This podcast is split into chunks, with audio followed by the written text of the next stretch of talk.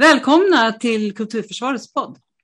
Syftet med podden är att göra konst och kultur till en valfråga inför valet 2022. Jag som leder samtalet heter Ulla Bergsvedin, är frilansande skådespelerska, kulturdebattör och grundare av Kulturförsvaret. Dagens gäst är Magnus Kirchhoff, utbildningsledare vid Kungliga Konsthögskolan, även kallad Mejan i Stockholm. Varmt välkommen Magnus! Tack snälla du. Känns fint att vara här. Vad trevligt. Mm. Vem är Magnus Kirchhoff och vad arbetar du med för närvarande? Eh, ja, som du sa så är jag alltså utbildningsledare för tillfället vid Kungliga Konsthögskolan i, Meja, eh, i Stockholm. Mejan ute på Skeppsholmen. Det är en ganska ny roll på skolan och det är en ny roll för mig. Jag har inte varit där mer än drygt ett år.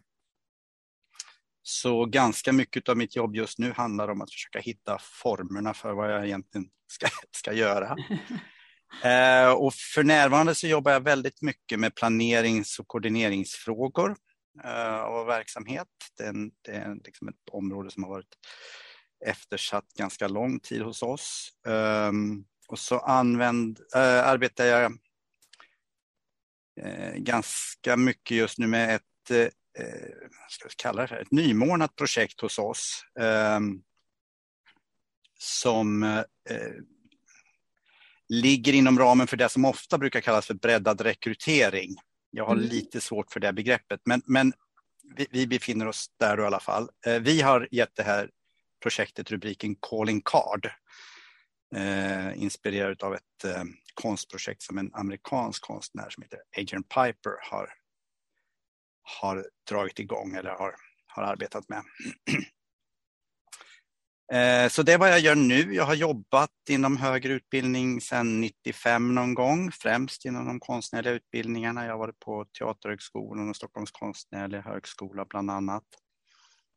Eh, jag har haft olika former av chefspositioner större delen av tiden, haft mycket fokus på utvecklings-, kvalitetsfrågor, forskningsfrågor. Eh, pratar man utbildningsmässigt så är jag teatervetare i grunden. Eh, läst lite psykologi, lite... Ja, jag har en magister i praktisk kunskap också. Eh, så har jag en del... Va, va, va, vad innebär det egentligen? Att ha en praktisk kunskap? Praktisk kunskap.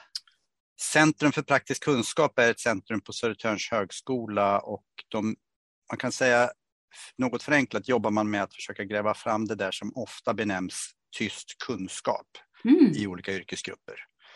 Eh, mycket inom eh, ja, lärare, eh, sjukvårdspersonal, eh, eh polis etc. Mycket av de som vi ibland benämner praktiska yrken som vid sidan om all den där medicinska kunskapen till exempel som en läkare eller sjuksköterska har, handlar det också mycket om det som inte är lika självklart att man har som kunskap. Man har eh, personkemi, eh, förmågan att eh, fatta snabba beslut etc. Mm. etc.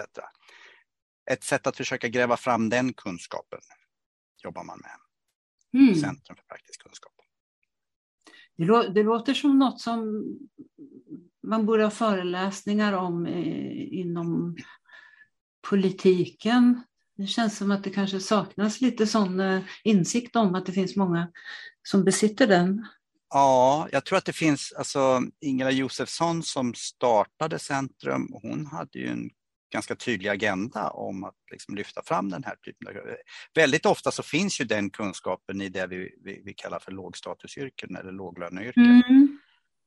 Um, och att de kanske till och med är lågstatus låglöneyrken på grund av att de eh, primärt bottnar i en, en, en, en tyst kunskap. Ehm, det är lättare att premiera den hårda kunskapen eh, ofta i många sammanhang. Så det, det, det, jag är beredd att hålla med dig. Det, finns goda anledningar att prata mer om, jag eh, ska säga på en gång, just begreppet tyst kunskap ty, tycker jag är lite svårt för det brukar ibland användas för att eh, just trycka ner de som har den här typen av kunskap. Ehm, det engelska begreppet är tacit knowledge och det är mer underförstådd kunskap kanske. Mm. Och det är ett bättre begrepp egentligen. Den där kunskapen som vi samlar på oss bara genom att befinna oss i en miljö eller eh, som kräver ganska lång erfarenhet för att ta till sig. Mm. Så förmåga att läsa av. Ja. Mm. Det här har ju varit viktigt, kan jag ju säga också, det har ju varit viktigt eh, i det arbete som jag har gjort för, kring, kring konstnärlig forskning på, på Teaterhögskolan. Så Maria Johanssons eh, avhandling som var en av de första i skådespeleri, den, den utgår ju ifrån eh, de här tankarna väldigt mycket och likaså Niklas Halds eh, avhandling om barnskådespeleri har ju liksom sin botten i den här. Mm. Jo, jag har tagit del av båda dem. Och, och det, det, är väl verkligen eh, ett område där man, där man lite grann har hävdat att, eh, ja, att, att det nästan inte går att sätta på pränt heller, men det gick ju alldeles utmärkt. Ja, det gör ju det faktiskt. Jag, jag tror att det är en, en eh, finns två funktioner i det där. Dels att, att delvis avmystifiera det där som vi håller på med ja. eh, inom konsten. Eh, och det tror jag vi mår bra utav. Jag försöker inte säga att allt går att och, liksom sätta ord på. Jag tror fortfarande det finns en viss sanning i det gamla uttrycket om att det mest intressanta med konst är det som inte går att, att prata om.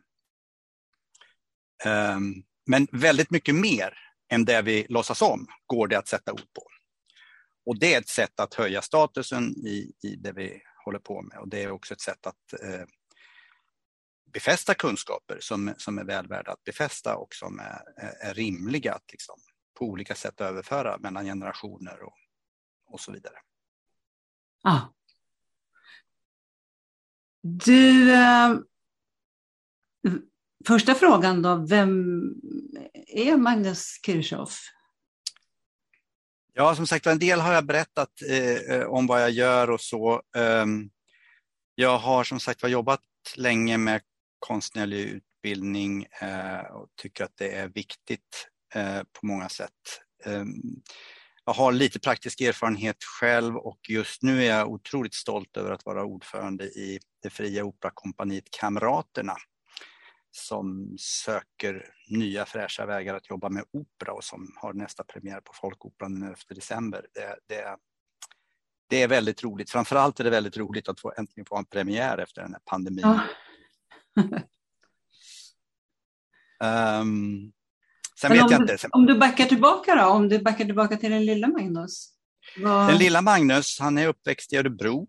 Mm. Han, um, uh, ja, jag vet inte hur långt bak man ska gå, men den riktigt lilla Magnus var en väldigt blyg typ som, som um, hade turen att i fyran få en lärare, vad heter de? De kommer ifrån lärarhögskolan och är lärarpraktikant kanske de heter. Mm. Som var väldigt intresserad av skapande dramatik. Så jag fick ju, eller vi fick ju skapande dramatiklektioner. Och det där var ju som någon sorts vändpunkt för mig. Ah. Jag kan inte riktigt förklara processen, eh, vad som hände med mig, men jag har ju sett den hos en massa andra när jag själv har jobbat med liknande processer i olika sammanhang ah. och lett dem. Det, är liksom, ja, det vände mig och någon gång i sent högstadium så kom jag i kontakt med den fantastiska verksamheten Amatörspelen som ju finns i Örebro som drevs av Ecke Olsson som jag ju, då var han skådespelare halvtid på Länsteatern i Örebro, eller Örebroensemblen hette det på den tiden. Eh, och eh, halvtid var han amatörteaterkonsulent. Mm. Och Ecke betraktar jag mer eller mindre som min andra pappa på något sätt. Han, han, han öppnade ju upp vägar för, för mig på något sätt att se, se andra dimensioner eh, i livet och på saker och sådär. Som, som var jätteviktigt för mig under många år där på, på högstadie och gymnasietiden. Var, var det redan då som du tänkte dig att eh, ha en bana på något sätt inom konsten och kulturen? Ja, just då tänkte jag nog väldigt mycket på att själv bli skådespelare eh, och eller regissör eller så. Um, och sen så fick jag ju ja, lite omvägar men så småningom så, så jobbade jag något drygt år på Länsteatern både som regiassistent och um, ja, lite annat på, på, på teatern. Och där jag vet inte, någonting hände där som gjorde att jag kände att nej, jag ska inte stå på scen, jag ska inte jobba med regi, jag ska jobba på olika sätt för att eh, möjliggöra mm. för andra människor att göra det här. Och det är väl det som har drivit mig till att ja, både ta det här ordförandeskapet i, i Kamraterna och eh, att jobba med utbildningsfrågor och, och, forskningsfrågor och så vidare. Det, ja, det finns någonting där. Jag, jag, vet inte hur lång man ska göra historien, men faktum var att vi, då höll ju amatörteatern i, i Örebro väldigt mycket på och slogs för egna lokaler. Mm. Och jag förundrades över hur lätt det var för de olika idrottsklubbarna i, i, i stan att få olika möjligheter till lokaler. Men för teatern var det hopplöst ett tag. Och så började jag titta mig runt omkring och så insåg jag att det var ju massor med människor som hade varit eh, aktiva idrottsutövare eh, som jobbade inom fritidsförvaltningen. Mm. Den tydligaste var väl Lorva Bergmark tror jag som, som ju liksom var en Örebro-legend och landslagsspelare i både bandy och fotboll och fick ju massor att hända i den där stan. Och så började jag titta på och så insåg jag att nej men alltså alla eh, kulturutövare, de håller på hela livet med sin kultur. De lägger ju aldrig av, de går ju aldrig över till den där andra sidan. Nej. Så jag tänkte nu går jag över till den andra sidan. Nu blir jag sån där som gör, skapar förutsättningar istället. Så där någonstans 25-30, vad, vad jag nu var, så, så liksom släppte jag taget om att jobba praktiskt själv med det. Eh, och istället jobba på olika sätt för att skapa förutsättningar. Ja. Så bra. ja, kanske. Just nu längtar jag som 17. Jag är väldigt nära att anmäla mig till ett seminarium, eh, skådespelarseminarium inom ATR, men jag tror inte det blir av för jag kommer inte hinna. Men det skulle vara jätteroligt. Ja, det kan du väl unna dig. Ja, vi får se. Varför anser du att det är viktigt att föra in konst och kultur i debatten inför valet 2022? Då? Ja, det är ju en jättefråga och det finns ju en mängd orsaker till det, tänker jag. Ehm, jag ska säga att det viktigaste skälet har jag nog egentligen hämtat ifrån diskussioner som jag haft med en god vän som heter Thomas. Ehm, för Thomas har det gått extremt bra i livet. Han har drivit många eh, stora både företag och banker och eh, Eh, ja, det har gått bra för honom kan man lugnt säga. Ehm, och när vi pratar om vad det är som har liksom gjort eh, att det har gått bra i de företag och banker som han har jobbat med. Så han har alltid varit noga med att säga att det, är klart att det är viktigt att ha koll på det där liksom tekniska, det där att eh, cashflow fungerar, att man har svarta siffror längst ner på raden, att man har och så vidare och så vidare. Allt det där måste naturligtvis fungera. Men man får ingen verksamhet att fungera om man inte har en bra företagskultur, en bra organisationskultur. Mm. Det är liksom centrum i alltihop. Och vi är helt övertygade, Thomas och jag, jag tror vi är många i det här landet som liksom känner samma sak om ett, om ett land. Alltså har vi inte en vettig kultur så har vi inte heller en vettig struktur och organisation i övrigt. Det blir någonting som saknas som gör att saker och ting, om, om saker och ting bara blir mekaniskt rätt så att säga. Och där tror jag att kulturen har en enormt viktig funktion att fylla. Om man pratar organisationskultur och så där så pratar man ganska ofta om att ha en kultur. Och sånt. Jag, jag är inte ute efter att, att liksom ha en svensk kultur. Det är inte någonting sånt jag far efter. Men mm. att ha en stark kultur mm. i ett land tror jag är otroligt viktigt. Um, jag tror att det är viktigt att man har den där stöttande, utvecklande eh, förhållningssättet som, eh, som behövs för att man ska alltså, att, att det en, utgör någon sorts kärna i en kultur. Um, och jag tror att det, det finns mycket i kulturen och kulturens uttryck som, um, som hjälper oss att förstå nyanser. Mm. Som tar oss ifrån det svartvita som tar oss ifrån det enkla och gör livet lite mer komplext, men ändå gripbart. Um, det, det behöver vi så otroligt mycket nämligen. Man tittar på en utveckling av hat,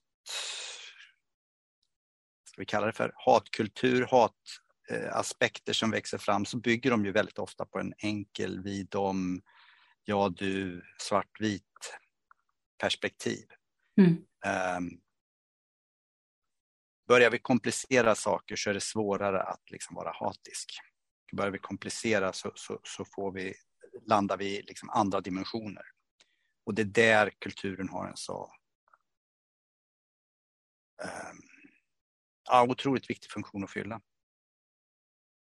Tror du att det är därför som man inte gärna vill eh, ha in konsten och kulturen i debatten för att det komplicerar för mycket? Nej, inte så ehm, vad ska jag säga, inte så instrumentellt eller hur man nu ska säga som, som du lyfter fram det här. Jag tror egentligen faktiskt tvärtom. Eh, det är klart man måste ifrågasätta vem, vem man avser med man här då, men jag tror inte att det finns från ett politiskt håll en, en medvetenhet om att vi stryper kulturen så vi får ett enklare debattklimat eller någonting. Jag, jag tror inte det. Eh, men jag tror att det finns en, en, en ganska stor okunskap eh, i stora läger om den kapacitet som finns i konsten och kulturen när det gäller att nyansera, när det gäller att komplicera, att när det gäller att eh, liksom, se olika perspektiv. Um, och jag tror att om den där kunskapen ökade så skulle faktiskt fler eh, snarare vilja få in kulturen för att hjälpa till. Alltså det är ju väldigt komplexa frågor som vi brottas med just nu. Mm. Verkligen. Eh, den, som, den som har den, det enkla svaret på eh, eh, miljösituationen eller integrationen eller vad du nu vill för stora frågor som vi, som vi liksom jobbar med. Idag. Den har ju fel. Det, det, det finns ju tyvärr bara komplexa svar på alla de här frågorna. Ja. Och det är därför man häpnar över alla one-liners eh, och checka slagord. Mm. När det gäller löst, förslag till lösningar. Umberto Eco tror jag det var, han hade en bra one-liner när det gäller här tycker jag. Alltså, eh, på, till, till alla komplicerade frågeställningar finns det ett enkelt svar som är fel. Mm. Ja. Och det är då det blir så knepigt när det utses vinnare i den typen av debatter. Du har varit inne på det att du har arbetat på flera konstnärliga högskolor, tidigare Teaterhögskolan eh, i Stockholm och Stockholms dramatiska högskola och nu Kungliga Konsthögskolan.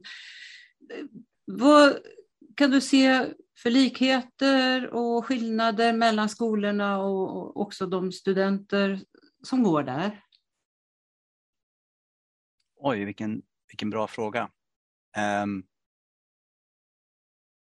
och jag, jag kanske ska förklara lite sen varför jag tycker det är en bra fråga. Men eh, alltså jag tror att den mest framträdande likheten på de konstnärliga högskolorna är ju litenheten. Mm. Alltså om man tittar på universitetsvärlden i stort i Sverige så kan man ju dela upp det på, på stora, mellanstora och små lärosäten. Och pratar vi stora lärosäten så pratar vi till exempel eh, Uppsala, Lund, eh, Göteborg, Stockholm och så vidare. Och då pratar vi universitet som har någonstans runt 35 000 studenter. Mm. Give and take, några tusen så. Uh, och så har vi de mellanstora som Dalarna och Skövde och vad det kan vara. De, de ligger på 10-20 000 någonstans däromkring. Och så har vi de konstnärliga som ligger på hundratal. Alltså, mm. Störst är väl fortfarande, tror jag, eh, Kungliga Musikhögskolan som ligger på 600. Ehm, så, så, så litenheten på de rena konstnärliga högskolan. Det finns ju, det ska man kanske säga också, det finns ju ytterligare några som är liksom ännu mindre. Om man tar till exempel Stockholms musikpedagogiska institut så tror jag de har 80 studenter om jag minns rätt. Men det är liksom det är enorma skillnader i storlek. Mm. Um, och det där får ju konsekvenser naturligtvis för relation mellan, mellan eh, studenter, eller ja, människor som, som, som, som finns i, i verksamheten. Relationen mellan student och rektor är ju eh, Rektor hos oss kan väl namnet på alla studenter tror jag. Det, mm. det kan inte rektor på Göteborgs universitet, det, det lovar jag. Mm. Uh, litenheten gör uh, att det blir uh, ganska tungt administrativt. Ehm, så gott som alla remisser som går ut till högskolor går ut till alla högskolor. Så en remiss som handlar om internationalisering går till ehm, Göteborg och landar på eh, internationella kontorets eller avdelningens eller enhetens eh, bord, vad det nu kan vara. Där sitter 10-15 personer och jobbar med det där.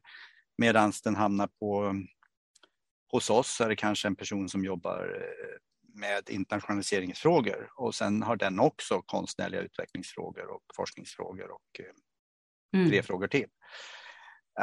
Så det blir väldigt liksom, administrativt tungt att jobba på de små högskolorna på det sättet. Um, specialiseringen är naturligtvis en, en sak. På ett stort universitet, stor högskola, så har du en mängd olika ämnen medan på, på de små högskolorna, så, eller konstnärliga högskolorna, så har du ja, i vårt fall då konst i olika former och konst och arkitektur. Uh, men det är fortfarande väldigt liksom, litet. Vi har ingen teolog, vi har ingen filosof, vi har ingen matematiker, utan vi har liksom, det är väldigt så. Vi är, vi är lika på många mm. sätt i vår kunskapssyn och vårt samhällssyn och ja, så. Det, det, det, ger, det ger sig liksom på något sätt. Det är väl också väldigt eh, mycket, väldigt, väldigt dyra utbildningar eftersom de är så individuella, va? är det inte så? Ja, eh, de är ju dyra per student. Ja. Det kan man ju lugnt säga. Ehm, jag vet inte om det fortfarande stämmer, men det, det var i alla fall så förr att um, filmregissör var Sveriges näst dyraste utbildning. Den slogs bara av stridspilot. Mm. Um, men de är ju inte dyra om man ser det på den stora kakan eftersom de är så små. Det är ju, vi, vi utbildar ju väldigt få skådespelare, mm. konstnärer och så vidare i, i det här landet. Så att, så att eh, per skattebetalare är de ju inte speciellt dyra. Nej. Så man får välja perspektiv där om man ska prata om, om ifall de är dyra eller inte. Nej men precis, Nej, men jag bara menar att det är, det är, ju ändå, det är ju ändå en satsning från samhällets sida eh, tänker jag, så man kan ändå reflektera över att det, det borde säga någonting om eh, samhällets eh, syn på att det är viktigt. Tänker jag. Ja, ja eh, återigen, man kan välja perspektiv där tänker jag lite grann. Om man tittar på eh, ett annat land som jag kan relativt bra, så om man tittar på England så är det ju finns det otroligt mycket mer skådespelarutbildning. Det gör att, att väldigt många fler har möjlighet att få en, en, en skådespelarutbildning, även om den kanske kan vara förhållandevis basal, för att den, den kan inte ha samma omfattning, den kan inte ha samma mm. individuella eh, eh, liksom kontakt mellan lärare och student och så vidare som, som vi har här. Mm. Eh, men det gör ju att det blir en, en i större utsträckning en massutbildning. Mm. Medan i Sverige har vi ju mer av en elitutbildning. Mm. Ehm, och det får ju andra typer av konsekvenser. I, I, England tror jag det är många fler i en, i en teaterpublik som har på något sätt stått på scen själva och, och spelat än vad det är i Sverige. Och, och, och, då kan man diskutera om det är en satsning eller inte, om det är en elitsatsning eller om... Alltså, vi ger väldigt mycket pengar per student. Det är vi helt eniga om, tror jag. Mm. Men måste det inte vara så då, eftersom eh, den är individuell så att säga, utbildningen, alltså på det sättet att man har, ja, man har lika många eh, lärare bara det att grupperna är så små, så att säga, klasserna är så små. Ja, med det system vi har valt att utbilda med så, så är det ju så. Vi har ju, vi har ju vi har stora lokaler, vi har alltså eh, så är det ju. Eh, Konstnärliga teaterns eh, skola eh, finns ju fortfarande i Moskva. Mm. Eh, de har eh, tre gånger så stora klasser skulle jag tro. De har, jag kan inte måtten exakt, men jag skulle tro en tiondel av lokalytan. Mm. Det går alldeles utmärkt att utbilda skådespelare där också. Eh, till och med så att man säljer ganska mycket utbildning till amerikanska studenter som betalar dyra pengar för att få gå på konstnärteaterns skola i, i Moskva. Um, så, så jag försöker inte säga att vi, vi gör fel på något sätt, men vi gör på ett sätt i det här landet och börjar man titta på det i ett globalt perspektiv så, så kan det se väldigt annorlunda ut. Mm. Absolut. Mm. Intressant. Eh, det har ju då också funnits en eh, diskussion bland studenter vet jag, på de konstnärliga högskolorna i stort, där några vill ha möjlighet att skapa fritt och andra vill använda tiden på skolan till att få verktyg med sig till dess att de ska stå på egna ben i arbetslivet. Och för bild och formkonstnärer är det verkligen på helt egna ben eftersom det sällan finns några anställningar. Mm. Eh, vad, vad, vad, tänker du om det, du som har arbetat inom flera konstnärliga discipliner? Ehm, en annan bra fråga. Eh, vad tänker jag? jag tänker, för det första så tänker jag att det är viktigt eh, för mig att säga att jag tror jag tror inte jag träffat någon student som är totalt antingen eller i det här. Vi ställer ofta de där två ytterligheterna mot varandra mm. som om det fanns studenter som bara vill det ena eller det andra. Jag, jag, tror inte de finns. Jag har i alla fall inte träffat dem, tror jag. Utan det är naturligtvis ett, en, en växelverkan och framförallt så tror jag det är eh, så att studenten i olika faser i sin process har behov av olika saker. Mm. Um, och det är väl just det som kanske är det, det svåra med det här, att, att se var, var i processen behöver studenten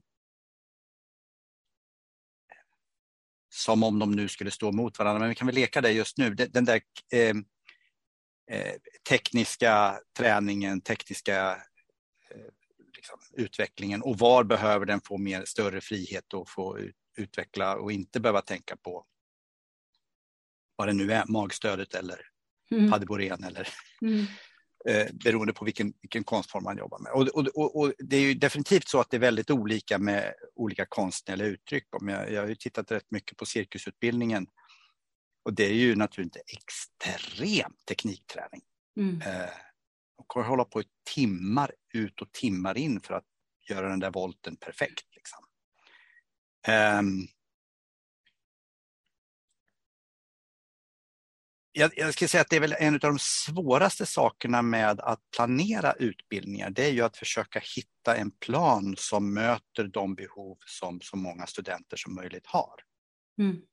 i det här. Um, för studenter är ju väldigt olika och eftersom vi har möjlighet att jobba på en sån individuell nivå så, så blir det ju också väldigt tydligt hur olika studenterna är. Står jag som föreläsare på en, på en företagsekonomisk utbildning med, med 200 studenter så kan, kan, jag liksom inte ta hänsyn till utan jag kör mitt program och sen får studenterna anpassa sig. Mm. Men här har vi ju förmågan eller möjligheten att anpassa oss och då, då vill vi ju gärna göra det. Um, Men det är ju naturligtvis svårt att hitta den där um,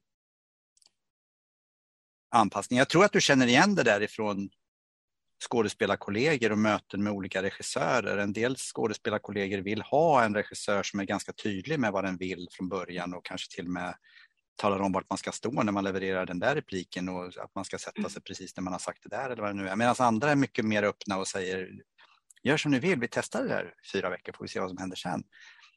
Eh, och vissa skådespelare gillar det ena och det andra och så är det naturligtvis med, med studenter. De, de, de, de svarar olika bra på, på, olika saker. Det som är svårt är att här ska man hitta en tre eller femårsbåge för studenter att, att jobba med.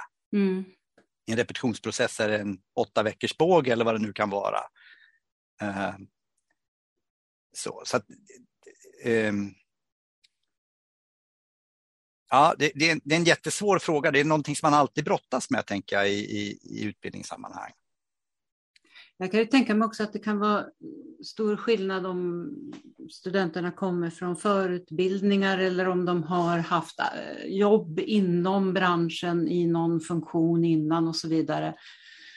Eh, och det är väl också lite olika vilken typ av eh, konstart det är. Så att eh, det, det kan ju säkert krocka också.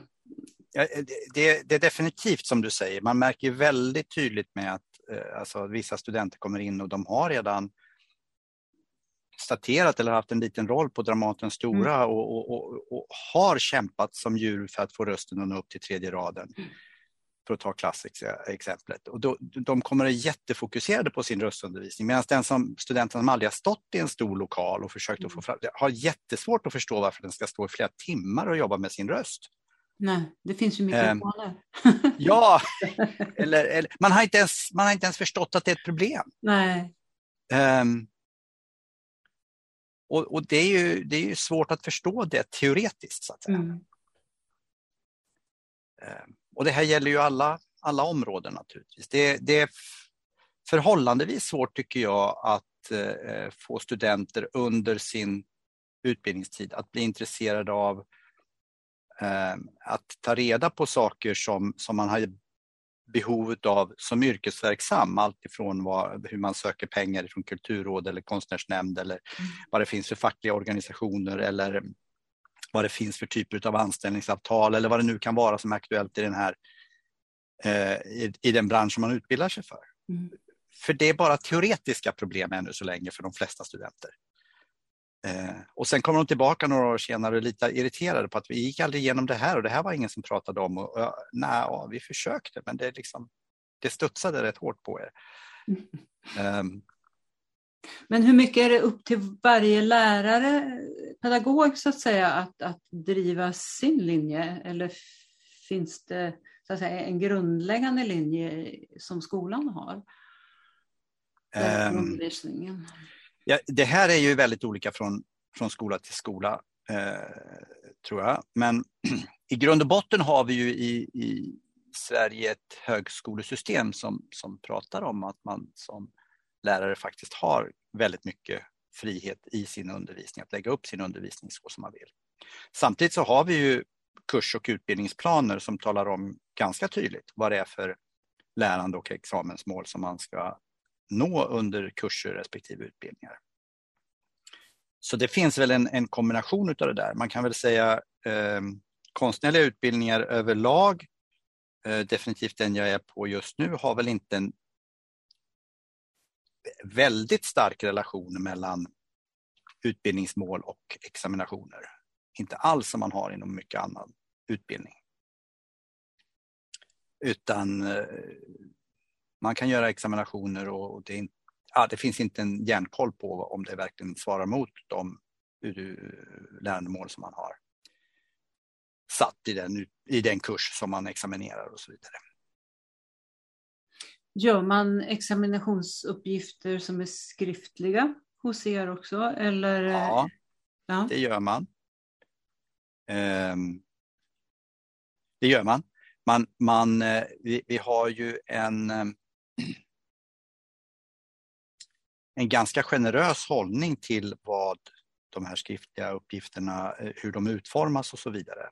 Mm. Vi har inte några klassiska salstentor där man ska svara på 25 frågor och man får rätt eller fel på dem utan det är ju, det är ju skrivuppgifter i form av essäer eller kortare mm. skrivuppgifter eller så. Mm.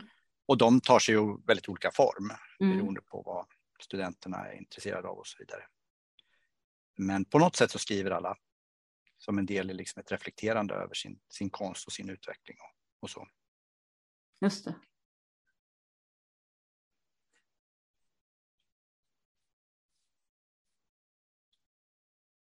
Ni har ju 200 studenter på er skola. Är det så? Ja, lite drygt. Jag tror vi har 230 om vi ska vara riktigt nogräknade. Men... Och eh, ett enormt utbud av eh, konstnärliga uttryck som studenterna kan arbeta med. Hur, kan du beskriva lite hur utbudet ser ut och hur det fungerar? Väljer studenter inriktning ganska snart eller varierar det? Eh, jag kan börja med att säga tydligt att, att vi har ju man kan säga något förenklat att vi har två stora studentgrupper. Den ena studentgruppen går våra utbildningsprogram eh, som är också lite förenklat, de är femåriga program. Mm. Eh, och det innebär att de som går där går då ut efter fem år med en masterexamen i fri konst. Eh, sen har vi de som är ungefär 50 procent av utav de här 230 och det är de som är yrkesverksamma redan och kommer tillbaka till oss att säga, och går vidareutbildningar. Vi kallar det för att man, man går i postmasterkurser. Mm. Eh, och där finns det en lite större variation på det sättet att där finns det både de som jobbar inom frikonst men också en hel del inom arkitektur på olika sätt. Mm.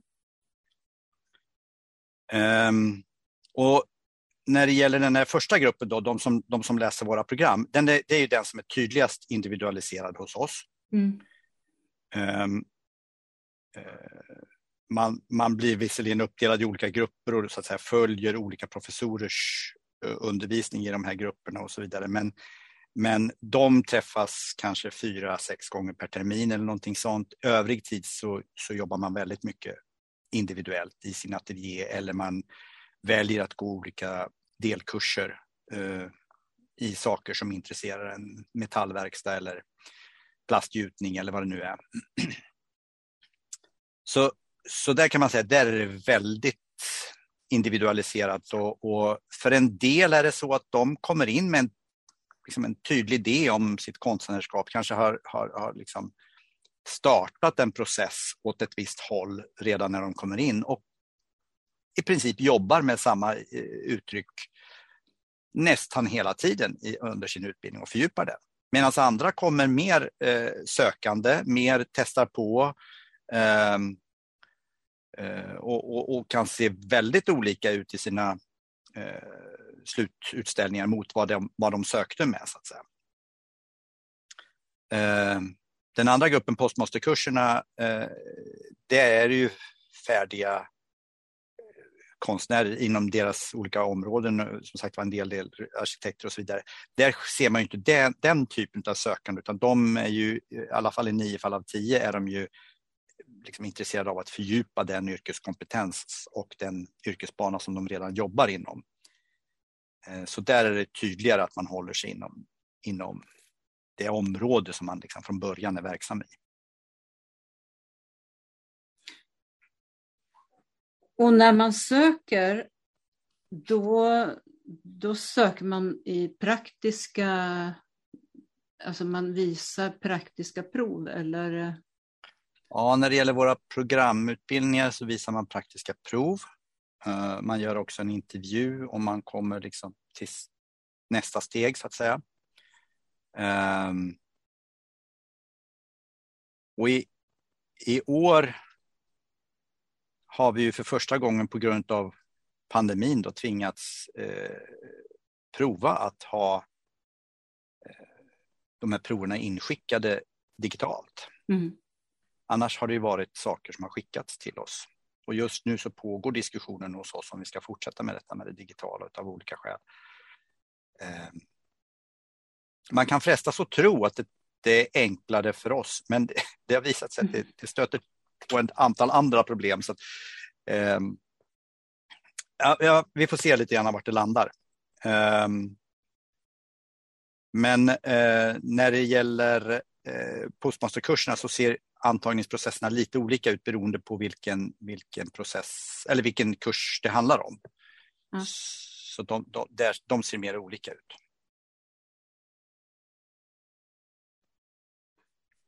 Kan man vara helt säker på vem som har skickat in det? Du menar om man skickar in, om man skickar in det kompisens eller pappas verk? Ja, eller sådär.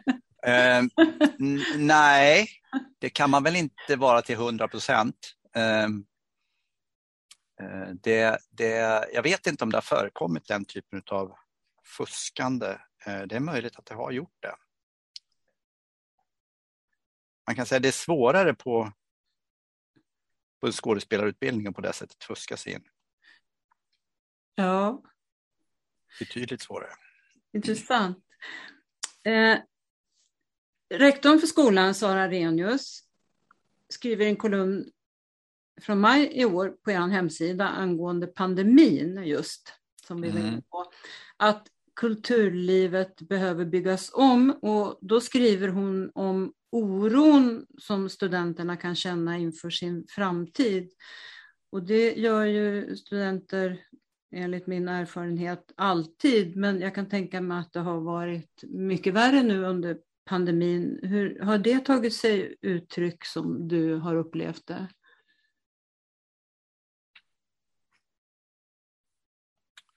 Eh, ja, vilken jättefråga. Eh, det är, man kan säga så här att eh, om man tittar på hela kulturlivet och att det behöver byggas om så, så det är väl det är väl bara att hålla med. Man kan hänvisa till Linda Zachrissons eh, fantastiska utredning eh, som, som, väl ganska tydligt visar på ett antal mm.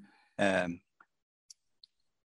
bevis för att det, det, det, är precis så det är. Kulturlivet i stort har ju tagit en rejäl smäll av den här pandemin. Det, så är det ju absolut. Ehm, jag kan tänka utifrån vår, vårt perspektiv, om jag nu ska prata utifrån ett eftersom du lyfter Saras, alltså rektors eh, kommentar. Om jag ska prata helt och hållet utifrån Mejans perspektiv så kan jag nog ändå säga att eh, nu kanske lite farligt, nu låter det som jag talar emot min egen rektor här. Men, men, men ehm, jag kan ju tycka att både vår organisation och våra studenter, alltså både lärare, övriga medarbetare och, och studenter har visat eh, prov på en helt fantastisk förmåga till anpassning. Ehm, en enorm idérikedom och liksom förändringsvilja under den här processen. Uh, jag, jag, vet inte om jag drar det för långt, men jag tror att vi var en av de högskolor som var allra minst uh, inne på ett IT-pedagogiskt uh, arbete innan det här drog igång. Och, och liksom över en dag så hade vi ju massor hänt. Det har kostat på väldigt mycket. Lärarna har slitit som galärslavar för att få det här att hända. IT-avdelningen ska vi inte prata om. De har jobbat på tok för mycket, många av dem. Men, men vi har lyckats göra väldigt mycket. Eh, studenterna har varit enormt lojala tycker jag. Fantastiska.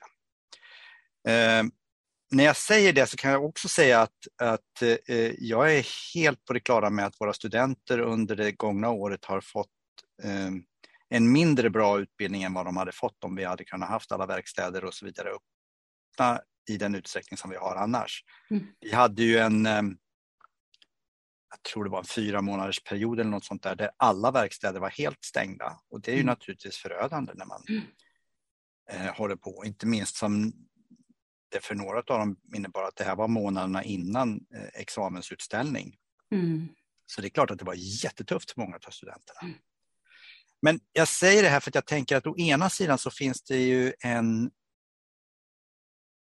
jag tror att vi är ett exempel på att det finns en fantastisk förmåga att anpassa sig, att, att, att, att vara kreativ, att, eh, att hitta lösningar i de här eh, situationerna som uppstår. Um, Men sen så om man tittar på eh, överlag så, så men, kulturlivet har ju fått sig en jättesmäll. Det är ju flera organisationer som, som finns liksom inom det, kulturens eh, ekosystem som har gått i konkurs eller förlorat personal eller eh, inte minst alla de här kringorganisationerna eller kring, kringverksamheterna eller vad man nu ska kalla det för eh, med, med, teknik, eh, förråd, teknikorganisationer eh, och så vidare. Många Eh, gallerier har ju gått på knäna i, de här, i den här perioden och så vidare. Och så vidare. Och det är ju jättemånga som har tuffa, eh, tuffa omställningar just nu att, att gå igenom. Så ja, jag, jag, kan ju bara hålla med eh, rektor också om att vi, vi, behöver bygga om, vi behöver bygga nytt, vi behöver bygga upp igen.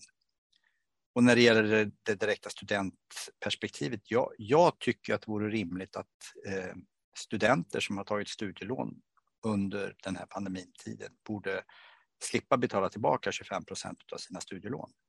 För de har genomgående fått en försämrad utbildning. Och det gäller inte bara på de konstnärliga ska man komma ihåg, även om mm. jag tror att de konstnärliga är ett exempel på utbildningar som, som har drabbats hårdast. Men det, det finns andra praktiska utbildningar, jag tänker polisutbildningar och allt vad det nu kan tänkas vara som, som faktiskt har fått tagit duktiga smällar i det här. Ja, det, det tycker jag låter som ett väldigt, eh, ett väldigt klokt förslag. Det kan man hoppas att, eh, att de tänker på. Men precis som du sa, eh, det är helt ställt utom allt tvivel att det är många som har fått lägga ner sina företag både inom olika teknik och andra sådana yrken och inom musiken tror jag det var uppåt 30 procent som har lagt ner företag. Men samtidigt också som du sa, så, så mycket kreativitet och uppfinningsrikedom som vi har sett. Det hoppas jag också att man från politiskt håll eh, har lagt märke till och eh, förstår eh, att det finns en sån kapacitet inom våra områden alltid. Ja. Inte bara när det är pandemi eller annan kris, utan att det alltid, alltid, alltid finns en beredskap för att lösa de mest omöjliga problem och att hålla premiärdatum och sådana saker som många människor aldrig tänker på hur, hur detta går till hela tiden mm. och under väldigt eh, konstiga och svåra omständigheter och att det är vardag mm. inom våra områden det, det tänker jag att vi behöver påminna dem om. Mm. Eh, jag håller med dig där och, och, du säger ju någonting som jag, som jag ofta lyfter som ett exempel. Alltså hur många teaterföreställningar känner man till som, där man skjuter på premiär? Nej. Alltså det är ju otroligt sällsynt. Ja. Hur många vägbyggen eller husbyggen eller ja. IT-system eller så här, känner man till som kommer i mål när de ska? Nej. Alltså de är ungefär lika sällsynta skulle jag säga. Ja. Um, och jag vet inte vad det är som teatern lyckas med, men det finns ju en, det finns ju en projektkompetens som är fantastisk. Verkligen, och jag tänker på jag tänker på en sån verksamhet som stora operahus där de planerar på femårsbasis ja. och har människor från olika världsdelar och ändå så står de där på premiärdatum med allt på plats. och det är, ja, det är så många människor inblandade. Det är helt fascinerande. Det är helt ja, fascinerande. Verkligen. Det är du, Ulf Kristersson. Jag snackade näringsliv. Du, sommaren 2020 skrev tidningen Paletten ett öppet brev till alla konstnärliga institutioner med ett antal frågor i anslutning till eh, Black Lives Matters-diskussionen eh, i USA. Och du var inne på det lite här i din inledning, men hur föll det ut hos er? Um, Ja, jag, tror man ska eh, säga att det är inte bara imperfekt, det faller fortfarande ja, ut hos oss det. faktiskt. Det eh, för det är en process som inte, eh, inte på något sätt är färdig hos oss. Mm. Jag vet inte om den är det någonstans, men hos oss är den inte färdig. Eh, man kan säga att när det väl skrevs eh, och när den där diskussionen kom upp och eh, den förstärktes väldigt, väldigt, väldigt bra av våra studenter som, som liksom jagade kan jag säga, oss i ledningen, för vid det laget satt jag i ledningsgruppen på, på skolan och så, så, um, så, så var det ganska jobbigt för att det var en massa frågor där som inte var så, så enkla att ge svar på. Men, men idag så känner jag att jag kanske ska säga också att jag tror inte att det, de var svåra för att vi är så mycket sämre än andra eh, institutioner inom konst och utbildningsvärlden, utan för att vi generellt sett är ganska dåliga på de här frågorna i, eh, kultur och, och, och, utbildningsvärlden faktiskt. Um, men, men det som var bra det var att vi påbörjade en process och jag tror, hoppas att den processen kan bli väldigt genomgripande och bra hos oss. Eh, och det är då det jag nämnde tidigare, det vi kallar för Calling Card. Uh, som är ett väldigt inkluderande projekt. Eh, vi, vi välkomnar det, det, en grupp lärare, eh, li, lite oklart faktiskt hur många, men kanske två, tre, fyra, som, som liksom tar ett initiativ i princip direkt efter att det här så att säga har briserat förra hösten. Ehm, och har ett antal idéer och börjar föra en dialog och en diskussion och de välkomnar eh, både andra lärare, studenter och eh, övrig, övriga medarbetare på, på skolan. Eh, så nu är vi väl en kärntrupp på kanske 20 personer, någonting sånt. Och sen är det några som liksom kliver in och ur det där.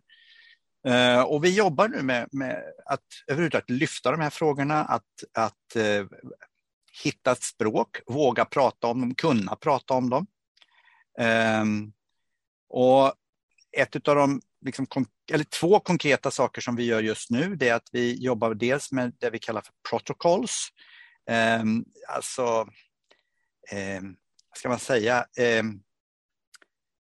regler eller mm, förhållningssätt. Hur kan vi formulera regler, förhållningssätt, code of conducts eh, gentemot varandra så att vi kan prata om frågor som rör eh, ja, naturligtvis rastillhörighet, eh, om vi nu ska använda ett sådant begrepp på svenskan, race, mm. Eh, bättre på engelska. Eh, eh, etikettsregler lite grann så. Mm. Um, och det är ett arbete som, som kommer att mynna ut här under kommande vår med att vi ska Ja, vi skriver helt enkelt ett antal sådana eh, regler till ett fiktivt eh, lärosäte som ligger på en ö mitt i en storstad. Eh, en konstnärlig utbildning. Men, men det är inte ja, vi, vi låtsas det, får vi se vad det tar vägen. För det ger en frihet att, i att det där, ja, det är som ommet på något sätt, så, mm. funkar här också. Um, så det är den, den, ena kakan liksom som pågår. Den andra eh, projektet är att vi jobbar med utbildning så att vi är några stycken som har gått ett, ett första, eh, pil, en första pilotutbildning eh, tillsammans med en grupp som heter eh, eh Inclusion Academy Eh, och nu blir nästa steg att vi ska utbilda alla i ledningsgrupp eh, och eh, alla chefer i förvaltningen. Förmodligen i januari. Eh, jag hoppas få ihop alla datum där. Ehm, och sen hoppas vi under, under nästa höst gå vidare och utbilda alla lärare. För att, ja, återigen, bygga på vår språkliga kompetens kring det här området så att vi kan prata om de här frågorna mycket enklare och lättare. För det är svår materia, det, det tror jag alla som har försökt jobba med de här frågorna är överens om. Um, ja. du, du, har ju jobbat med, med det som du sa tidigare kallades, kallas breddad rekrytering och du gillar inte begreppet. Eh, på, eh, i, i, i, ditt eh, uppdrag på STDH. Eh, kan du bara säga något eh, om det också och hur, hur du tycker att det har, har fungerat eller du ser några effekter av det? Ja. Um,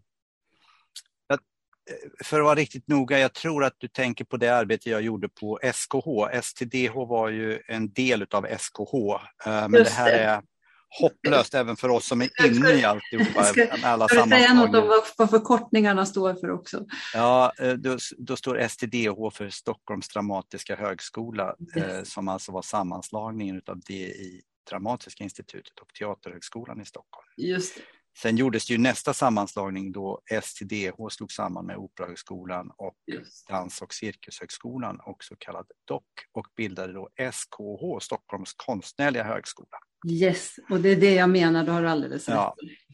Eh, och på Stockholms konstnärliga högskola var jag då verksam och hade det här uppdraget att jobba med de här frågorna under en, eh, ett och ett halvt år ungefär. Ehm, jag kan säga rakt av att för min egen del, just det arbetet känner jag mig både stolt och lite besviken över. Jag är stolt för att jag tycker att vi gjorde ett väldigt bra första steg där vi gjorde en väldigt gedigen genomgång över alla eh, de eh, satsningar som har gjorts på de här då ingående högskolorna. För det var ju sammanlagt fyra högskolor som under flera år hade gjort olika projekt för att försöka jobba med, eh, ja, kan använda begreppet nu då, breddad rekrytering. Um, och så, så det, det, fanns ju liksom mycket som var gjort. Eh, en del hade misslyckats, annat hade lyckats. Men, men, men vi gjorde en stor inventering och utifrån den inventeringen så gjorde vi sedan en, en eh, handlingsplan eh, som, som var ganska långsiktigt, där man, där man liksom skulle ta fart i de projekt som hade gjorts, framförallt de som hade lyckats och försöka sprida dem på, på skolorna och så vidare. Eh, tyvärr så, så när allt det arbetet var klart så fick jag andra uppgifter och eh, man välde, valde av olika, slag, eller olika skäl att, att släppa taget om den där eh, processen. Så att, tyvärr så kom det inte ut så mycket av konkreta eh, eh,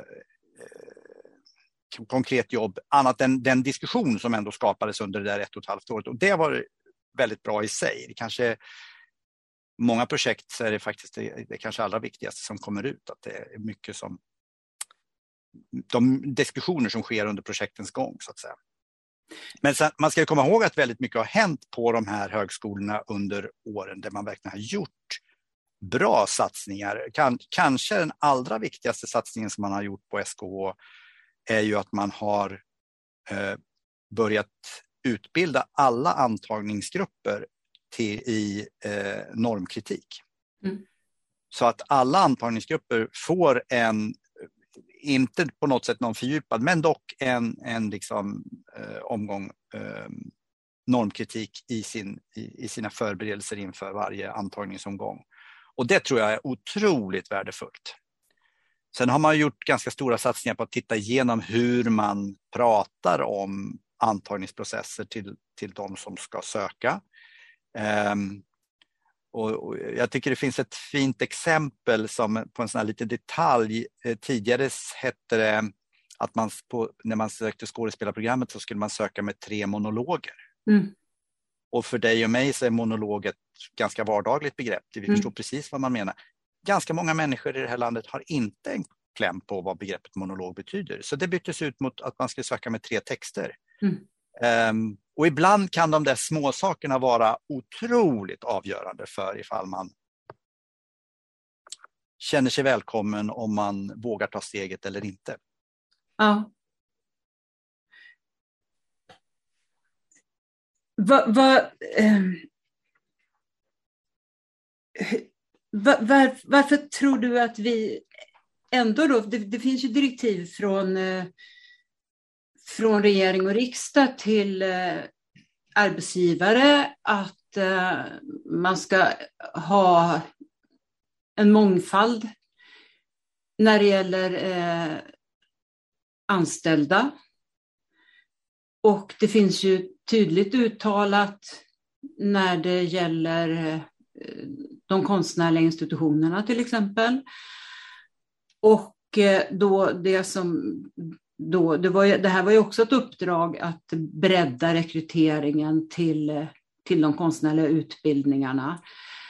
Och var, varför, varför tror du att eh, vi ändå ligger så långt efter både USA men framförallt England i, i det här avseendet vad det gäller både etnicitet och hbtq och funktionsvariation okommenterat så att säga och även, även klass kan jag tycka. Eh, om man tittar på film och tv-utbudet till exempel.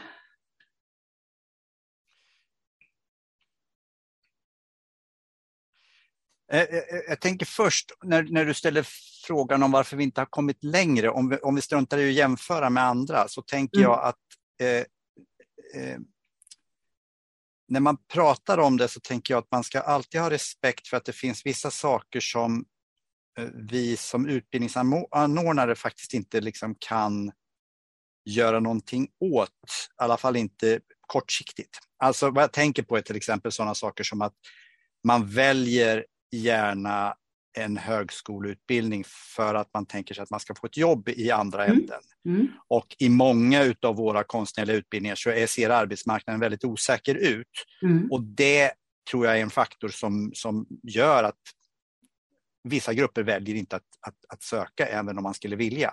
Mm. Och den typen av argument sorterar jag in över det där som, som vi liksom inte kan påverka. Mm. Men sen finns det ju en massa som vi kan påverka och det är de jag är intresserad av att jobba med. Jag säger det här därför att jag, ofta när jag pratar om de här frågorna så, så möts jag bara med de här icke påverkbara argumenten. Eh, och, och, det blir så ointressant, utan vi sorterar undan dem och så tittar vi på det som vi kan påverka. Eh, för, för längre kan vi i alla fall inte gå. Och då finns det ju en massa saker som vi kan göra. Vi har, vi har pratat om några nu då med, med eh, Eh, hur, hur, vi presenterar våra antagningsprocesser och hur mm. väl vi förbereder våra antagningsgrupper och vad det nu kan vara. Det mm. finns en mängd sådana här saker som vi faktiskt kan påverka. Ehm, men, men kärnan till att vi har så svårt att, ehm, att få till en rejäl förändring, det handlar ju om att vi har väldigt svårt att prata om, eller min, min bild är att vi har svårt att prata om det som är kvalitet i våra utbildningar. Mm eller det vi kallar för kvalitet i våra utbildningar. Mm. Och Det gör att vi har svårt att utmana det som vi kallar för kvalitet i våra utbildningar. Uh, och då blir det lätt att vi tar till det som vi hade tidigare som kvalitet så att säga. Um, och, och då fastnar vi i ett tänkande om att ta in det som är lika, det vi tog in förra gången. Mm. För där känner vi en trygghet. Mm. Eh, och det skulle jag säga, det är den största orsaken till att den här förändringen går så, så långsamt. Mm. Vi vågar inte på allvar, och nu generaliserar jag för det finns gott om fantastiska människor som vågar utmana det här jättemycket. Mm. Men, men om jag ändå ska ha en förklaring till varför den här utvecklingen går så långsamt så beror det på att vi, det är för många som inte vågar utmana de här grundläggande kvalitets fördomarna eller kvalitetstankarna. Ehm, sen blir jag lite nyfiken när du säger att vi ligger så långt efter USA och England. Vad, vad du tänker på då? Jag tänker på, tittar rätt mycket på, på tv-serier från England gärna.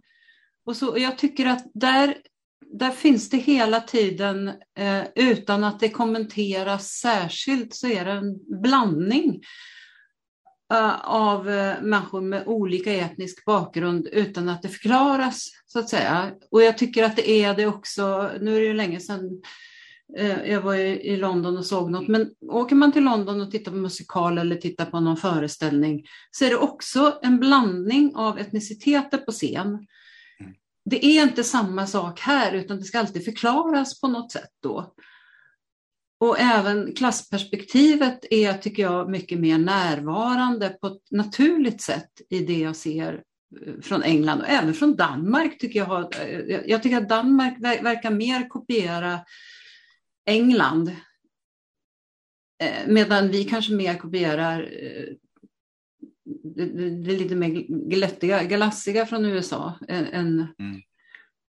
Eh, du sa någonting mm. om att eh, det finns ja. något ekonomiskt eh, när det gäller England. Ja, men jag, jag, tänker att det du pratar om har väl, det har väl en massa, eller flera olika förklaringar. Jag, eh, bara för att ta några exempel så tänker jag att det här med att vi inte kommer längre kring frågan kring klass, det, det tänker jag delvis i alla fall har att göra med att hela grundtanken i folkhemsbygget som ju var så, så stark under så, under så lång tid var ju att det fanns ju inga klasser i Sverige. Just det, vi låtsas det. ja, ja, exakt. Och, och, att, att under den perioden på något sätt allvarligt prata om klassproblematik blir naturligtvis omöjligt eftersom vi inte har några klasser. Eh,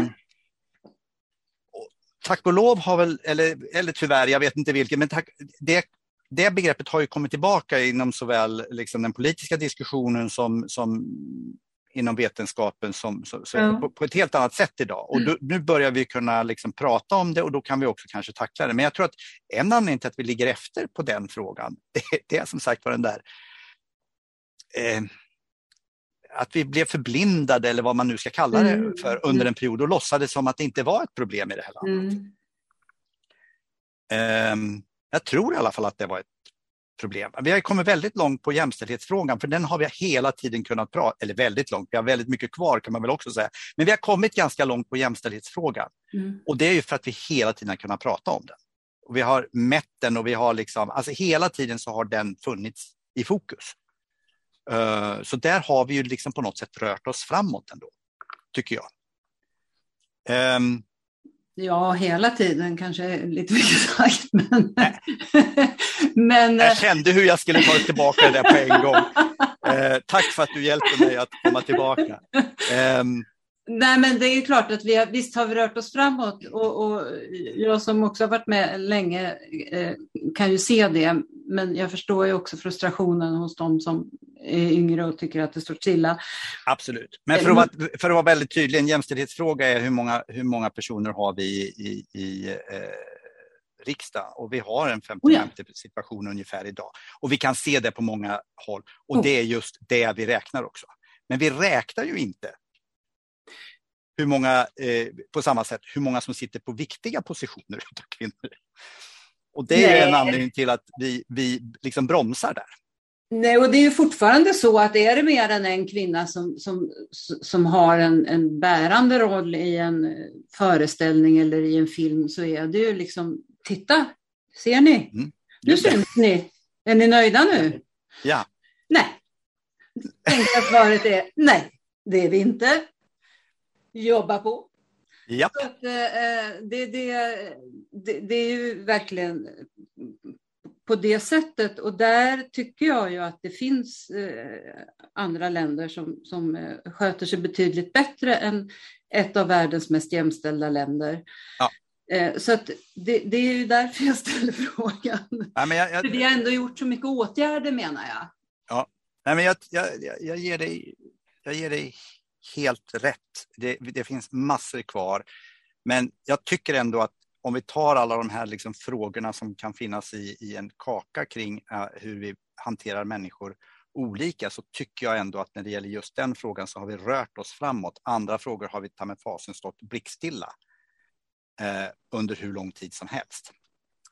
Ja, och, och just också eh, när det gäller eh, att, att skildra människor med eh, utomnordisk bakgrund, att det också alltid ska förklaras mm. på något sätt eh, och inte bara som en, en, en, självklar del av samhället. Att det är människor som inte behöver, att det inte behöver problematiseras, så att mm. säga. Det, det är de berättelserna eh, som jag vill se. Mm. Och där tycker jag inte att vi är. Nej, jag, jag håller med dig. Absolut. Um... Och det var väl det som var syftet, tänker jag, med det här, all, alla de här åtgärderna och alla de här kraven på såväl högskolor som, som arbetsgivare. Um, och det är därför jag undrar lite vad man skulle kunna göra. Eh, för, och det är som du säger att, att det är många som inte som inte vågar ta steget att söka utbildning eller som inte, men det finns också många som vill, tror jag. Ja, det, det, det är jag helt övertygad om. Um, och, och jag Jag tycker att om jag tittar på scenområdet och filmområdet så kan jag se en liten, liten framgång ändå. Men det är ju, vi har ju väldigt, väldigt långt kvar. Mm. Um, och nu pratar vi inte alls om synliga funktionsvariationer till exempel. Nej. Där har vi ju en... oceaner kvar ja. att jobba med. Eh, så, så att det, det, finns precis hur mycket som helst kvar att göra. Men jag tänker ändå att om din fråga är varför vi inte har kommit längre. Um, Ja, jag förväntar Tänk... mig inte att du ska ha ett heltäckande svar. Vad skönt. Det tycker jag känns väldigt skönt just nu. Men jag tänker ändå att det handlar om uh, uh, uh, flera olika saker. Men, men, men det, det exemplifieras ändå i det här med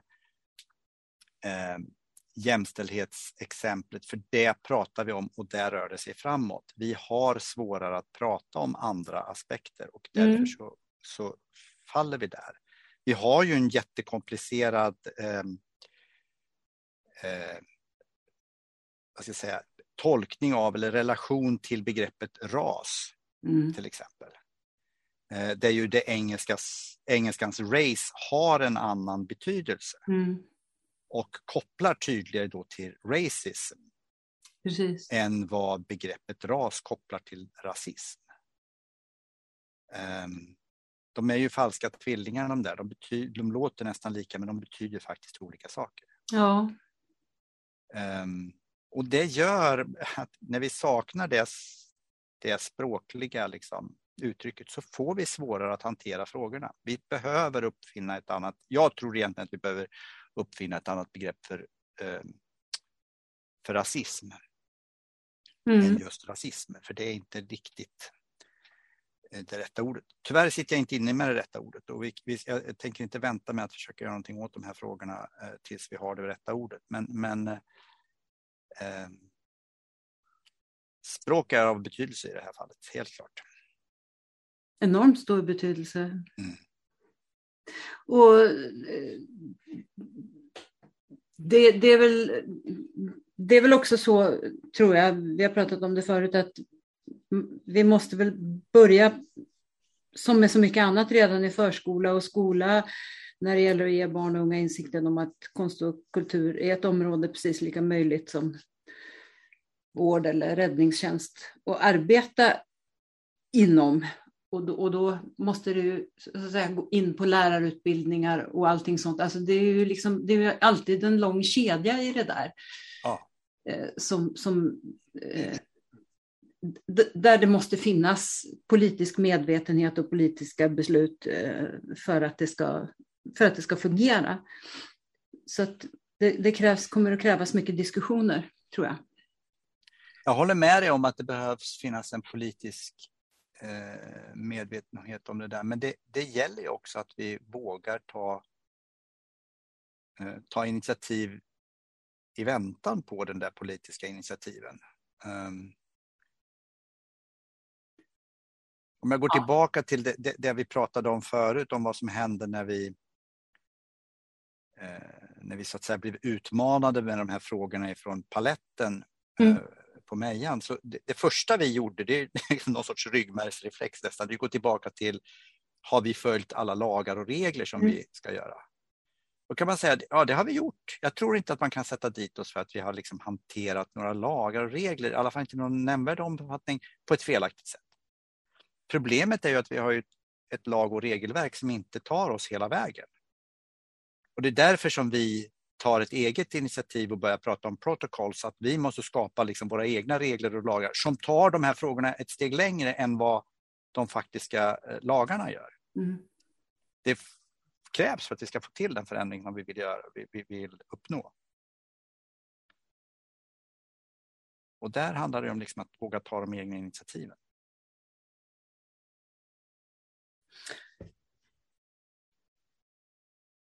Du du har också sagt att vi måste våga börja tala om konsten och kulturens värde utöver det egenvärde som vi ofta vill hävda.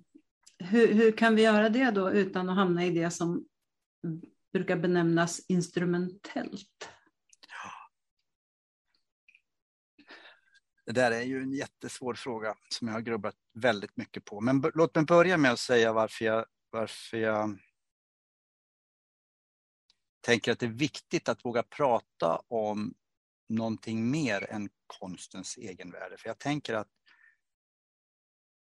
jag, jag, tror att du och jag är helt överens. Jag tror att de, alla de som kommer att lyssna på den här podden är helt överens om att kulturen har ett stort värde. Det är mm. liksom, vi behöver inte hålla på och argumentera för det. Så det är, det är, inte någonting annat som jag försöker säga med det här. Det är, kulturen har ett gigantiskt egenvärde. Mm. Men sen är det ju så att om man sitter som politiker i, olika nivåer eller någon annan beslutsfattare med en penningpåse så funderar jag på vad ska jag göra med de här pengarna för att få liksom en utveckling i ett samhälle på olika sätt. Så att människor i, i, i min omgivning ska må bra. Och då börjar man ju fundera på vad, vad, vad får jag ut mer av kulturen då än att jag ger den pengar och den har sitt egen värde.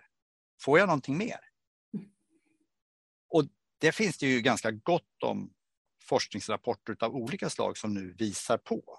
Jag var själv i, i Umeå här för förra helgen.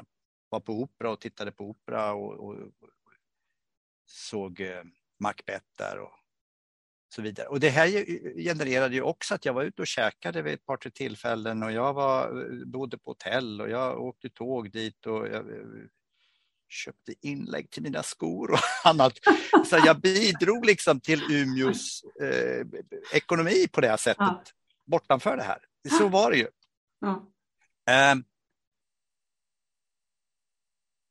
ja, om, om hon som nu sjöng Lady Macbeth hade gått ut på scen och tänkt nu ska jag generera lite pengar till Umeå. Så nu ska jag gå ut och sjunga lite Lady Macbeth här. Då hade det inte blivit någon bra föreställning. Det kan man lugnt säga. Eh, utan det blev en bra föreställning utav en massa andra anledningar. Hon hade någon intention med att stå där och, och sjunga sina arier eh, som hon gjorde med bravur för övrigt och, och så vidare. Och så vidare. Och då hände det där andra. Mm. Och det där är så viktigt att komma ihåg, tänker jag, att det finns en skillnad mellan intentionalitet. Vad vill jag som konstnär uträtta? Och vad händer mm. liksom, på något sätt utan att jag, utan att jag menade det? och den förståelsen och den respekten behöver beslutsfattare få i mycket större utsträckning. För mm. om jag lämnar pengar till Norrlandsoperan för att det ska komma människor och bo på hotellen i Umeå, då dör verksamheten. ja. Så den som sitter med penningpåsen måste ha liksom någon sorts förtroende för att ni skapar bra konst, det genererar andra saker, men det pratar jag inte med er om. Ni ska bara skapa bra konst. Jo, men när det dessutom genererar eh, god både psykisk och fysisk hälsa som ju faktiskt är också väldokumenterat, att, att det dessutom kan göra att unga människor eh, känner sån eh, mening med livet att de ägnar sig åt konst och kultur istället för att eh, låta sig rekryteras av kriminella gäng till exempel. Och vad kostar ett mord? Mm. För det, både kostnader för samhället och jag menar, det, är ju, det är ju det här att kunna lära sig ett nytt sätt att räkna, tänker jag. Att förstå att även om avsikten aldrig, precis som du säger, har varit det med att göra konst och kultur, men effekterna de får och vad det besparar samhället på alla möjliga sätt. Räkna in det och så pytsa in det så att vi kan göra god konst och kultur. Och även de som aldrig kan sätta sin, tänker sätta sin fot på en institution och inte förstår det, så, så de har ju glädje av vad konsten och kulturen faktiskt betyder för, för ett samhälle idémässigt och så. Det måste ju ändå en politiker förstå, för annars kan de, tycker jag, packa ihop och lämna eh, sitt uppdrag. För eh, det tycker jag är den minsta krav man ska ha på att de ska förstå.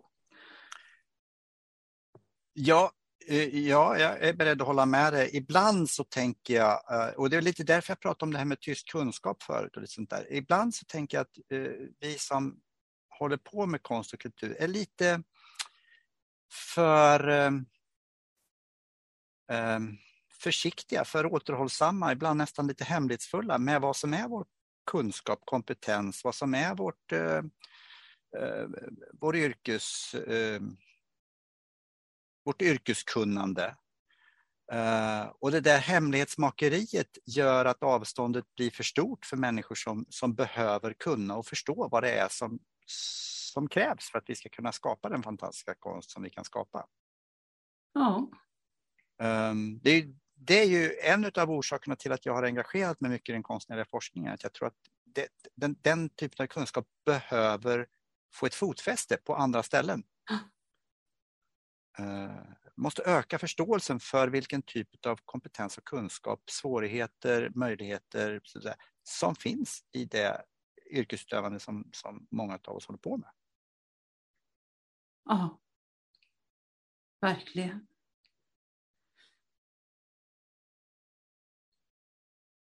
Och konst och kultur har ju nyligen blivit ett vetenskapligt område bland andra.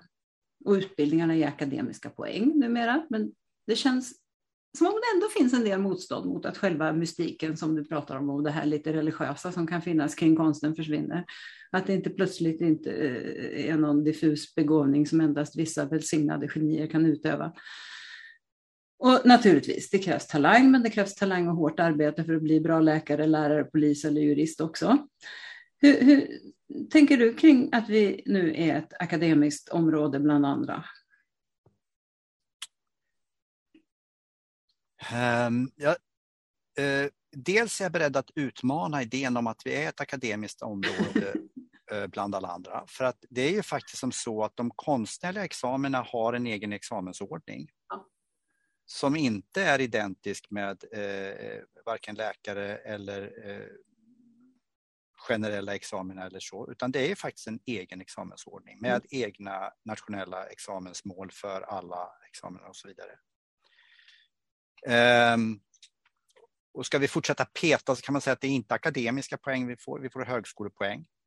Det vill säga, vad vi har gjort är att vi har tagit steget fullt ut och sagt att den konstnärliga utbildningen inte är densamma som en medicinarutbildning eller en naturvetenskaplig utbildning eller så, men den är lika mycket värd. Man får ja. lika mycket poäng om man pluggar tre år på Teaterhögskolan eller på eh, Högskolan för scen och musik eller vad det nu är. Mm. Som om jag pluggar tre år på Chalmers. Mm. Men min, eh, min, min, min, kunskap ser lite annorlunda ut. Mm. Eh, det finns likheter, men det finns också skillnader. Så att jag tycker ju att det är väldigt rätt att vi är med i samma liga. Mm. För vår kunskap är precis lika mycket värd fast den ser annorlunda ut. Um, sen finns det en dimension utav um, Alltså, det beror på lite grann vad man har för idé om teaterns ursprung och såna här saker. Men för mig har teatern sitt ursprung i riten. Uh, riten som eh, är på något sätt religiös eller åtminstone andlig. Eh, det finns en dimension som man inte kommer åt på samma sätt som man gör med eh, Pythagoras sats eller eh, vad det nu kan tänkas vara inom andra områden. Ehm, och, och det är ju en del av den kunskaps och kunskapstradition som vi arbetar inom. Och den måste vi liksom jobba med och vårda på precis samma sätt som, som allt annat som vi kan. Ehm, men för mig är det inte något som helst problem att vi befinner oss inom högskolan i sig. Det finns eh, problem med att befinna sig inom högskolan, det gör det. Eh, bland annat så finns ju problemet att eh, ganska ofta så ställer man frågan vad tycker ni inom, de, inom det konstnärliga området om Ja, vi tycker olika för vi har ganska olika ingångar på just den där frågan. Eh, Därför att vi har ganska olika eh, kunskapsidéer och vi, vi, vi, arbetar olika inom de olika fälten. Jag har en kollega som, som just läste en sån här magisterkurs på Södertörn som jag pratade om förut. Mm. Uh, tillsammans med bland annat ett antal poliser och hon sa ju glatt att alltså, poliserna och vi skådespelare, vi har mycket mer gemensamt än vad till exempel skådespelare och lärare. Alltså, de har också en kostym när de går iväg till, i tjänst, eh, precis som vi har. Och de spelar också en roll, precis som vi. Alltså, hon hade massor med liksom paralleller med hur polisen... Så vi är närmare varandra än målande konstnärer och vi, eller, eller dansare och vi mycket längre ifrån varandra. Det var hennes bild. Um, så att Ja, Det, det gjorde ju, någon sån där studie om just eh, teaterinstitutioner där man kom fram till att eh, hierarkiskt så påminde vi mest om militär och polis. okej. Det är säkert 20 år sedan och sånt där. Mm. Eh, så så att, eh, det, det kan säkert eh, det kan, det kan säkert sådana också. Men, men jag tänker just på det du sa där, eh, att eh, det kommer frågor då och då ser vi annorlunda på det. Är det inte just det som är så bra? Att eh, det kan komma en, en, en annan aspekt så att säga som inte skulle komma annars på, på de frågor som ställs till eh, olika fakulteter. Vad jag menar är att, att ofta så förutsätts det att alla vi inom det konstnärliga fältet eh, har samma eh, tanke om en fråga. Jaha. Och det är det jag menar att så, det stämmer inte alls, utan det är ganska stora skillnader på hur, hur vi lägger upp en skådespelarutbildning och hur vi lägger upp en, en utbildning i fri konst. Ja. Ehm, och, och därför har, och det leder också till det faktum att vi har lite olika konstsyn och vi har eh, kunskapssyn och vi har olika, Mm. alltså det där. Och, och ibland så blir det då att vi kanske svarar närmare naturvetarna än, och konstnärerna Ja. kanske svarar närmare, vad vet jag, litteraturvetarna. Eh, Så, så det, det är viktigt att komma ihåg. Ehm, ehm, Sen, sen finns det på många sätt så behandlas vi fortfarande väldigt olika så att säga. Alltså inom, när det gäller forskningsmedel till exempel så kan ju fortfarande utövande konstnärer söka pengar från Vetenskapsrådet. Men det krävs ju faktiskt att du har en minst en for, eh, forskarexamen inom andra områden för att du ska kunna söka medel från Vetenskapsrådet. Och det handlar ju mycket om att göra att vi, den konstnärliga forskningen är väldigt ung, så det finns inte så många som har disputerat Mm. och kan söka pengar. Och på något sätt måste vi bygga det här området. Mm. Men det är en ganska rejäl stor skillnad och jag kan, kan ha viss förståelse för dem inom en mer traditionell akademi eh, som tycker att det är väldigt konstigt att människor som inte har disputerat kan få, eh, kan få söka de här medlen. Så på må- många sätt så särbehandlas vi fortfarande. Visste jag inte. Mm. Mm. Eh.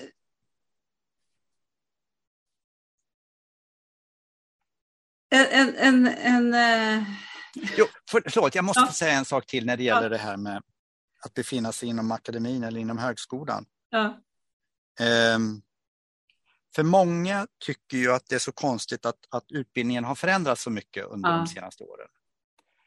Eh, och det finns ju naturligtvis en mängd olika orsaker till varför de har förändrats. Eh, man kan säga så här, så gott som all utbildning, eller jag tror all utbildning som, som på något sätt är, är funktionell idag ser inte ut som den gjorde för tio år sedan. Det spelar Mm. ingen roll vilket område vi pratar om. För utbildning, precis som allting annat, måste förändras och, och utvecklas. Men det som ju verkligen har hänt under de sista ska vi säga 20-25 åren, det är ju att per capita-ersättningen, trots att den är hög, har ju relativt inflationen minskat kraftigt inom hela högre utbildningssektorn. Så vi har ju färre pengar, även om vi fortfarande har mycket pengar, per student. Och samtidigt som det har skett så har ju kraven på olika former av administrativ återkoppling fullständigt eh, grasserat. Mm. Och det gör ju att mer pengar idag måste gå för att vi överhuvudtaget ska få existera till administrativa uppgifter som inte behövde ta pengar tidigare. Och det är klart att det får effekt på, på utbildningen. Mm. Ehm, Så en orsak är ju liksom en, en, en annan ekonomisk situation än vad vi hade för sig 20-25 år sedan eller, eller längre tillbaka. Vad är det som ska redovisas nu som inte behövde redovisas då? Ja, vi har, eh, dels har vi ju floran av eh, eh, olika former av remisser som ska besvaras. Sen har vi ökade krav när det gäller årsredovisningar, när det gäller eh, ekonomiska redovisningar. Men jag ska säga den stora skillnaden är ju det kvalitetsarbete som har liksom införts och som jag tror på många sätt är väldigt bra. Mm. Men som har jag skulle säga de senaste åren har liksom vuxit till, till för stora, där, där kvalitetsarbetet faktiskt upplever jag idag, det här kan jag inte liksom leda till något bevis, men jag upplever att kvalitetsarbetet idag har tagit sådana proportioner så att det sänker kvaliteten istället för att det ökar kvaliteten. Um, och um, det kanske har hänt de sista fem åren, men kvalitetsarbete har ju pågått sedan 95, 6, 7 något sånt där på, mm. liksom i den formen som det har idag och det har liksom hela tiden ökat och ställts högre. Och nu har det kommit till en gräns så att eh, även eh, UKÄ, alltså Universitetskanslersämbetet och så vidare, tittar ju verkligen aktivt på hur man ska hitta sätt att, att minska den här bördan för lärosätena och framförallt för de små lärosätena. Men det är samma utveckling som det är inom till exempel institutionsteatern då, att, att eh, man måste öka de administrativa tjänsterna på bekostnad av de tekniska och eh, mm. konstnärliga tjänsterna. Och inom polisen och inom eh, ja, skolan och precis. inom sjukvården och inom ja. och inom. Och inom. Mm. mm. Ja, du, eh, en eh, liten skojig sak. Du har eh, eh, reflekterat över hur vi skulle kunna genomföra en annorlunda typ av strejk inom hela konst och kulturområdet. Jag tycker det är strålande, innovativt och även konstnärligt intressant. Kan du berätta om det? Um, ja, nu säger att vi skulle kunna genomföra, jag vet inte om vi kan genomföra det här, men jag tycker att det var en rolig tanke. Det, det började egentligen med att jag satt och pratade med min hustru som är lärare och sa att jag, jag tycker det är så märkligt att inte lärarfacken är starkare än vad de är, för de mm. är verkligen strejkar skolan så stannar ju Sverige på något sätt. Ja.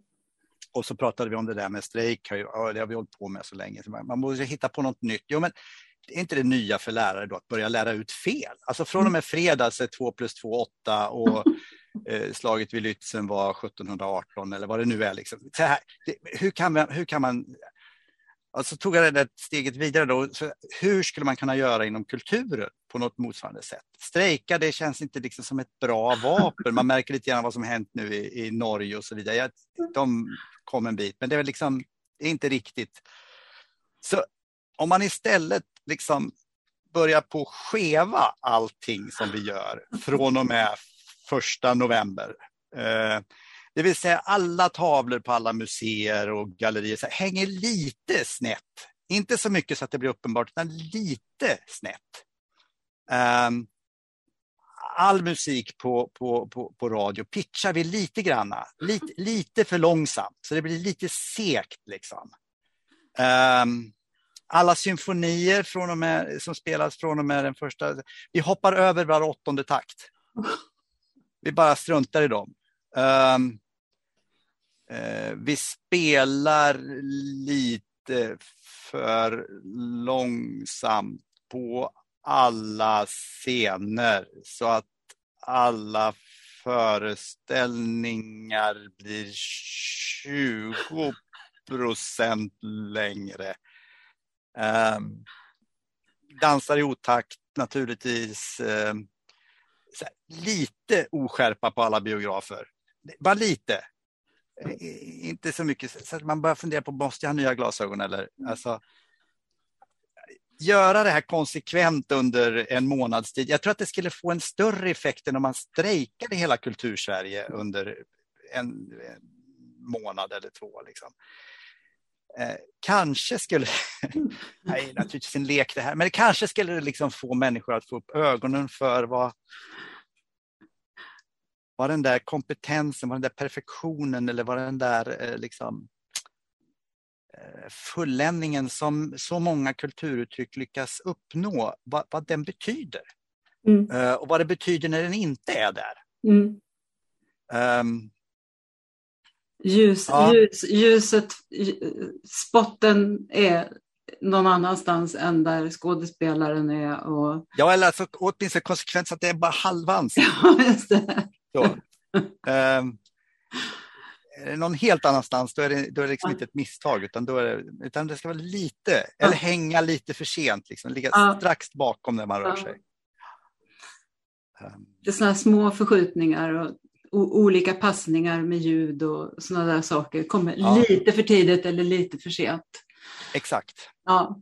Mm. man går, man går för att öppna dörren och sen ringer det på dörren. Ja, ja, liksom. ja. Skönt, du har förstått idén, det hör jag. Ja, ja, ja visst. Ja, men alltså, det börjar snurra direkt. Jag tror alla skulle bli oerhört kreativa och hitta på massor av roliga saker. Frågan är, frågan är om det inte skulle locka väldigt många människor att gå och titta på detta spektakel. Det kanske skulle vara en annan härlig effekt. Det kanske är så vi ska dra igång hela Kultursverige ja. efter pandemin nu. Ja. Vi gör det lite fel allting alla blir jättenyfikna. Det är fruktansvärt roligt. Ja. ja. ja. Oj, oj. Du, eh, nu har jag en avslutande fråga till dig Magnus. Och det är på vilket sätt och av vilka anser du att konst och kulturpolitiken bör debatteras inför valet 2022? Så att det som står i alla de här vackert formulerade kulturplanerna blir tydligt. Att konst och kultur är viktigt för såväl samhälle som medborgare.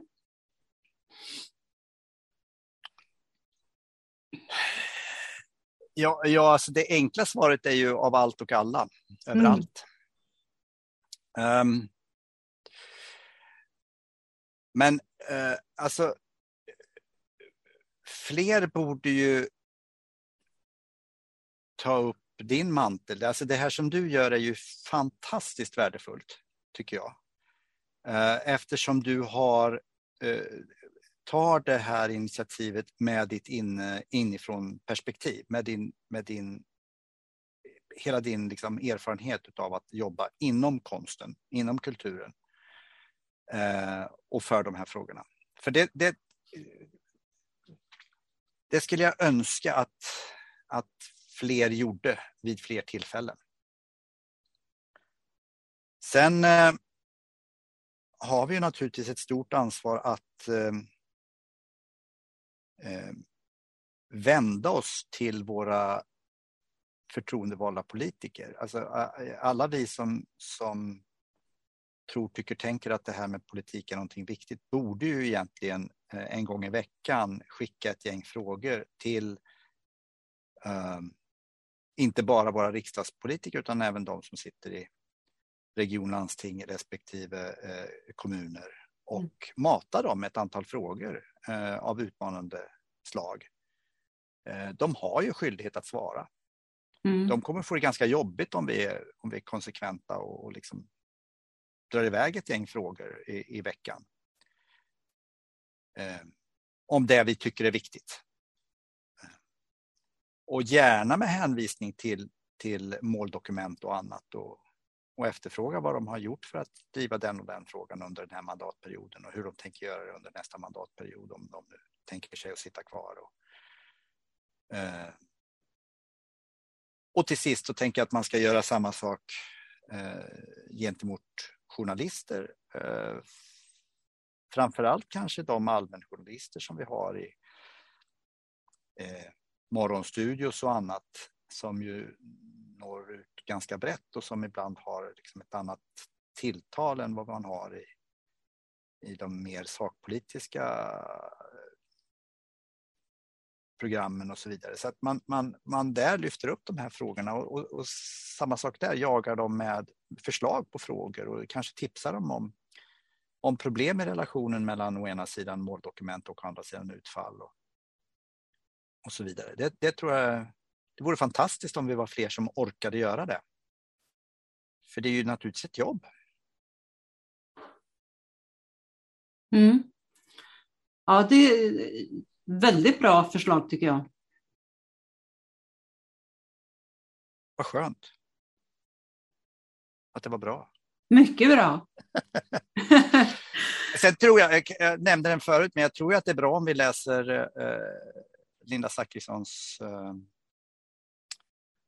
utvärdering, eh, utredning noga och, mm. Eh, och, och, och, jagar vidare på de förslagen som finns där. Eh, det går att diskutera dem, men, men väldigt många av dem är bra. Mm. Vilka, vilka politiker vågar ta dem vidare? Hur förhåller de sig till det? Varför väljer de bort dem? Alltså, mata med det. Verkligen. Det är i alla fall en bra start för många av oss. Mycket bra. Tack så hemskt mycket Magnus för att du ville medverka. Tack för att jag fick medverka. Det var fint. Och tack för att ni lyssnade. Och den som vill veta mer om Kulturförsvaret om kommande poddar kan gå in på kulturförsvaret.se. Poddarna hittar ni på sidan och där poddar finns. Och om ni vill gå med i vår Facebookgrupp så är det bara att gå in och ansöka om medlemskap.